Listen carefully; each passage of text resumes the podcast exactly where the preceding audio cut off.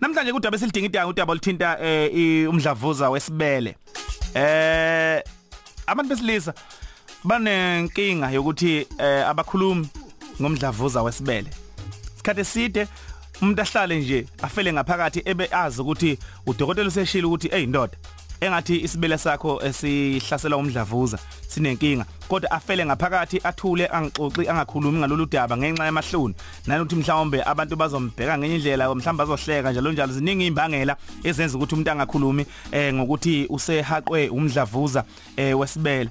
So ke sizoba nodokotela namhlanje usebenza ke ngayo ke email breast cancer eh namhlanje uzokwathi ke ukuchaza kabanzi. Nanokuthi abantu besilisa bangasizakala kanjani? Kodwa sifisa ukuthola ke kuwena njengomuntu wesilisa njenge out ukuthi yini indaba ufihle? Uma ngabe mhlambe kungenzeka wakwathi udokotela hayi sesikhaqile lesifo somdlavuza wesibele bese ufihla bese uba namahloni ukuthi uxoxe lolu daba. Khuluma nathi ke 0893109193 uzoshaya ucingo lapho noma kuthumela ivoice note ku 0716136667 noma uphawula inkundla zokuxhumana @ukozi_official eh noma ke uthi @chata_ngobe noma ke uthi NV Mackenzie @NV Mackenzie khumbule ke hashtag hashtag isidlo sasekuseni hashtag isidlo sasekuseni igama elilodwa eh ozolisebenzisa. Sikhuluma ngomdlavuza wesibele. Asikho isidingo sokuthi bese sithi kwabesilisa ngoba mase sithe wesibele sekucacile ukuthi asikhulumi ngaba besifazane abesifazane banebele thina sinesibele. Right manje besikhathi ke senje sikhuluma ke njengamanje eh no dokotela njengoba shila ukuthi ke sokhuluma naye ngendaba ke ithinta lapha ke eh, umdlavuza eh wesibele eh kwabesilisa. Kusekhona ke sikhuluma naye njengamanje ke emsakazweni ukhozi FM sikubingelele le dokotela sikwamukele emsakazweni ukhozi olmaphiko phiko Ngibingelele umsakazi ngibingelele nabalaleli. Ngiyabonga ukunginika leli thuba ukuthi sikhulume ngale topic ebaluleke ngakho. Aba mm. Eh Dr Zondi eningizimu Afrika ngokwe Breast Health Foundation eh kuvela ukuthi eh ekuzona izibala bayikhipha eminyakeni eyisithupha edlule kuvela ukuthi iSouth Africa iyona inesibalo esiphezulu sabantu besilisa abane breast cancer. Ziyathusa lezi zibalo Hmm. Uh yebo i breast cancer kubantu besilisa njengoba usushilo ukuthi nanoba i percentage yayo mangabe uyiqhathanisa neyabesifazane i 1% but ngenxa yalokho i usually ipresenta late ngoba abantu besilisa abayijwayele and abayilindele ukuthi izowenzeka kubona. So ipresenta late and mangabe ipresenta late ipresenta usually kulesimo noma ingxenye la seku difficult khona ukuthi ilapheke and then enye into futhi uh, kunale stigma esikhona around abantu besilisa betshela ukuthi if ngine breast cancer kuchaza ukuthi khona into errong maybe ngobudoda bami nokuthi abanye abantu bazobheka kanjani. So lapho kuba nalowo ma challenges which makes it very difficult to find it in time to to be able to treat it um ngendlela right mm. Ngezwakala mfowethu. Manje dokotela iyakwazi mhlawumbe ukwelapheka kubantu besilisa njengoba ke uzothola ukuthi kumanje khona ulalele nje osetholile ukuthi imhaqile. Yebo engingakusho lapho umsakazi i breast cancer njengamanye ama imidlavuza iyalapheka mangabe itholakale kuse early um kufanele sikwazi ukuthi sikhulume sitshele abalaleli ukuthi eziphi izinto nezimpawu ebangazibona ukuze basole ukuthi bane breast cancer basheshe bathole usizo ngayo. And ngiqale lapho ngingakhuluma qala nge-risk factor ukuthi abaphi abantu besilisa abasesimeni esiphezulu kakhulu ukuthi kungenzeka ukuthi batholakale. Njengoba sazi ukuthi ijwayele ukuthi iphathe abantu abadala okusukela iminyaka ya 60 kuya ku 70 kodwa ke nabancane ngabathathu phatha especially mangabe kunofuzo emndenini ukuthi um i-breast cancer ikhona. Njengoba sazi ukuthi kunama genes la akuthiwa wo BRCA1 no BRCA2 okwama genes lawo esibiza ngokuthi ama tumor suppressor genes ahamba ngofuzo emndenini. So if kukhona umuntu emndenini um owaba ne breast cancer maybe umama maybe usisi kungenzeka ukuthi unalama genes lawa a yenza ukuthi umuntu um abe nasemathubeni amakhulu ukuthi athole i-breast cancer.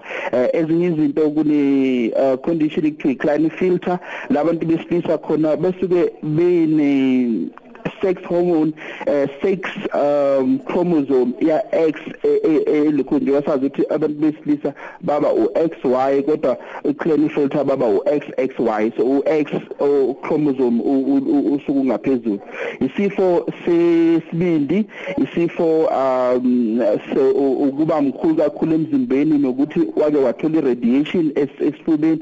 Ikona lokhu okwenza ukuthi amathuba ukuthi ube necancer yomdlavuza ube ube phezulu.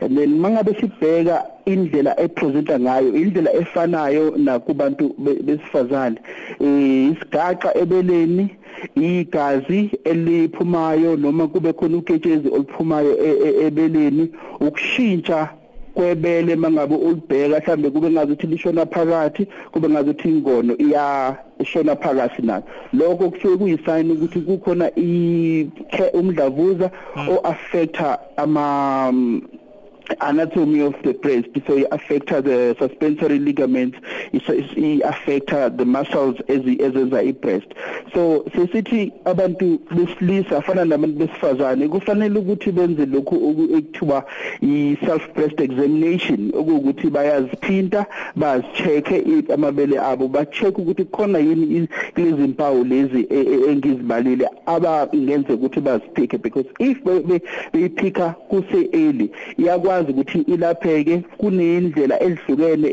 elapheka ngakho. Njengokusebenzisa ichemotherapy ukusebenzisa iradiotherapy imshini le emkhulu yokuyishisa. Kodwa yona mangabe itholakale early njengawo wonke ama cancer iyakwazi ukuthi ilapheke. Mhlawumbe njengoba ukade ubala izimpawu nezinto lezi ekuthiwa ama risk factors izinto ezimbeka umuntu emathubeni amakhulu ukuthi ayithole yona i breast cancer umuntu wesilisa. Eh sesibona uthola ukhathida abanye abantu besilisa ubone sengathi unamabele engathi umuntu wesifazane. Omunye umuntu angaba nokuthi mhlawumbe lokho ke nakho sekukhomba ukuthi amathuba akhe ukuthi athole ibreast cancer ngoba nakho phela unamabele manje impela nje abonakalayo ngempela ngisho egqokile. Abe nokuthi lokho kumbeke emathubeni. Yebo, uh, uma ngabe sikhuluma ngokuba namabele, iloku lokhu ngesilungu okuthiwa igynecomestia. So lokho kungenza ukuthi um impawu izinto ezibanga ukuthi umuntu wesilisa abe namabele. Kungenza nazo kungenza ukuthi izimpawu futhi ezikwazi ukuthi zimenze ukuthi amathuba akhe e-breast cancer abe phezulu. Njengoba sazi ukuthi njekade ngikhuluma ngalesi genetic condition ekuthiwa i-Klinefelter syndrome um la kuba khona i-sex chromosome e-X ibe ibe ibe ibe ibe extra and then labo bantu labo baba ni namabele nawo amakhulu besilisa and then i-testosterone yabo eh ibe phansi ne-estrogen ibe phezulu. Sizokhumbula ukuthi if sikhuluma nge-testosterone ne-estrogen ama hormones lawo njengoba every male and female wonke umuntu uzalwa ene breast tissue kodwa in puberty ngesikhathi i-estrogen inyuka iyona enza ukuthi kudevelop ama breast kubantu besilisa isuke iphansi i-testosterone iphezulu. Lawo ma combination lawo enza ukuthi um ama ama breast anga develop the same way. So kubantu besilisa la i-estrogen khona iphezulu noma i-testosterone iphansi njengabantu abane Klinefelter syndrome abantu abanesifo um sesibindi abantu obesity mangabe omkhulu um labo bantu laba i-estrogen yabo hormone engaphezulu okwenza ukuthi i-testosterone futhi nayo ibe incane okungenza ukuthi babe namabele amakhulu okusho lokhu ukuthi bane risk yokuthi babe ne breast cancer so njengoba into singaqhuqusela ukuthi umuntu wesilisa mangabe enimabele amakhulu kufanele ukuthi acele kodokotela bakhe acele ukuthi bamcheke ba check ukuthi ngekwenzeke yini ukuthi um kunemdlavuza lo wesibele. Indlela abachecka ngayo odokotela bazosebenzisa lokwesithi i-triple assessment. Triple assessment it means ukuthi udokotela uzoqala athathe i-history and examination. So aqala umbuzo imibuzo eqala abheke ama-risk factors bese amhlola kahle.